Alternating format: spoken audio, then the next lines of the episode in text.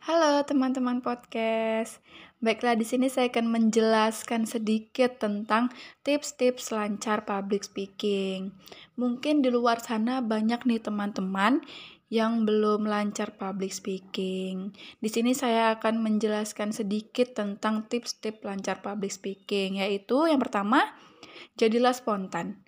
Jangan menghafal isi pembicaraan Anda dengan menghafal maka gaya bicara kita akan terlihat kaku dan kedekatan personal tidak akan terjalin. Yang kedua, tulis materi yang ingin disampaikan dalam bentuk poin-poin.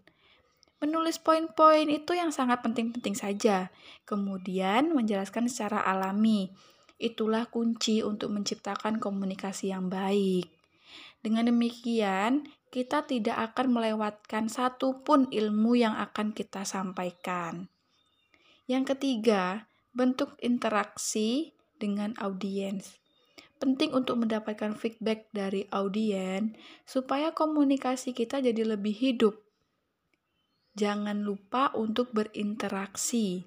Dari feedback audiens, kita bisa mengukur level humor yang bisa kita terima dari audiens. Yang keempat, sisipkan humor. Menurut Anthony Robbins, salah satu motivator motivator dunia, humor adalah pelumas yang dapat membantu menyampaikan informasi menjadi lebih lembut. Yang kelima, penguasaan materi melahirkan improvisasi. Sebelum melakukan speech, penting untuk menguasai materi supaya kita bisa melakukan improvisasi terutama apabila durasi kita masih panjang, sementara materi kita sudah habis. Yang keenam, time management. Atur waktu yang diberikan pada Anda dengan baik. Dengan time management yang sudah diperkirakan sebelumnya, kita bisa lebih mudah menyusun materi dan menepati deadline. Yang ketujuh, Gunakan kekuatan cerita. Jangan meremehkan kekuatan cerita. Pengalaman asli merupakan media yang paling ampuh untuk meyakinkan audiens, apalagi jika disampaikan dengan gaya yang sangat meyakinkan. Mereka akan larut dalam cerita kita. Selanjutnya yang kedelapan, bangun kredibilitas.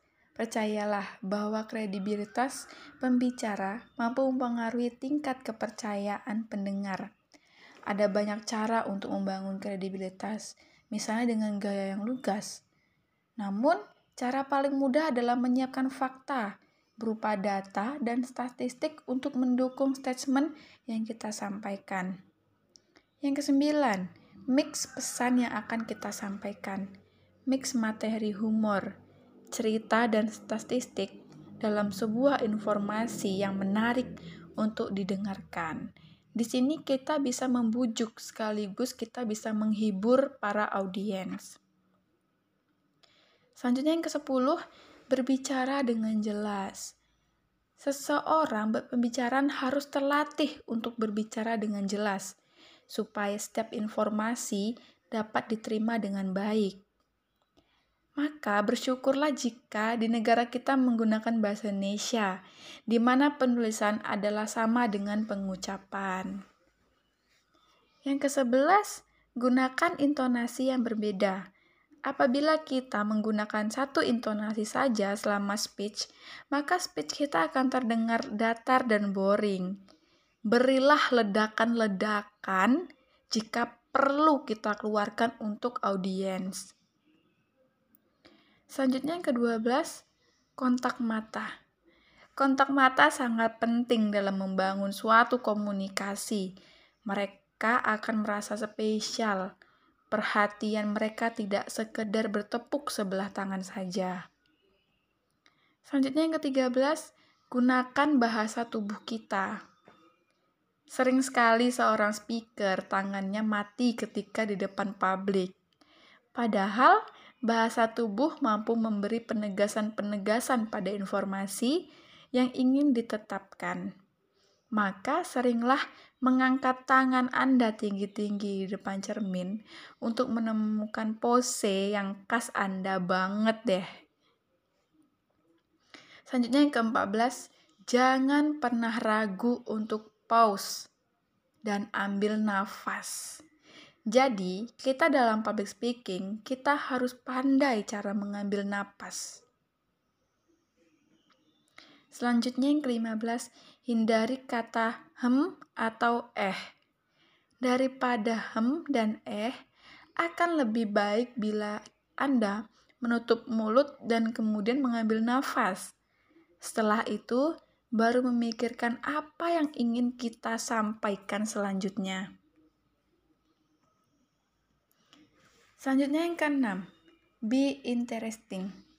Posisikan diri kita sejajar. Jangan pernah minder. Kita akan tampak lebih interesting untuk dilihat para audiens. Selanjutnya yang ke-17, tunjukkan rasa percaya diri kita.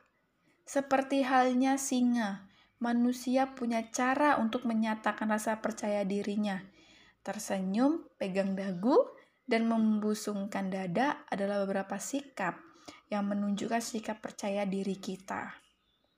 Yang ke-18, buang tekanan yang Anda rasakan. Rasa gugup mungkin Anda menyelimuti perasaan Anda saat akan mulai berbicara. Hal tersebut sangat normal. Pembicara yang berpengalaman pun terkadang masih dihinggapi rasa gugup. Cara paling mudah menghadapi rasa gugup adalah merubah mindset kita. Berpikirlah bahwa Anda di sini membawa informasi yang berharga bagi audiens. Yang ke-19, persiapan. Siapkan segala hal yang mendukung speech kita, mulai dari poin-poin yang paling kecil, sekalipun seperti sapu tangan, disaku, dan air mineral. Yang ke-20 atau yang terakhir, jam terbang. Langkah paling akhir untuk menjadi pembicara yang baik adalah terus berlatih. Berbicaralah sesering mungkin, ambil setiap kesempatan yang ada. Sebab sering inter sering kita intensitas trial dan error, Anda baru bisa menemukan rumusan yang sangat pas.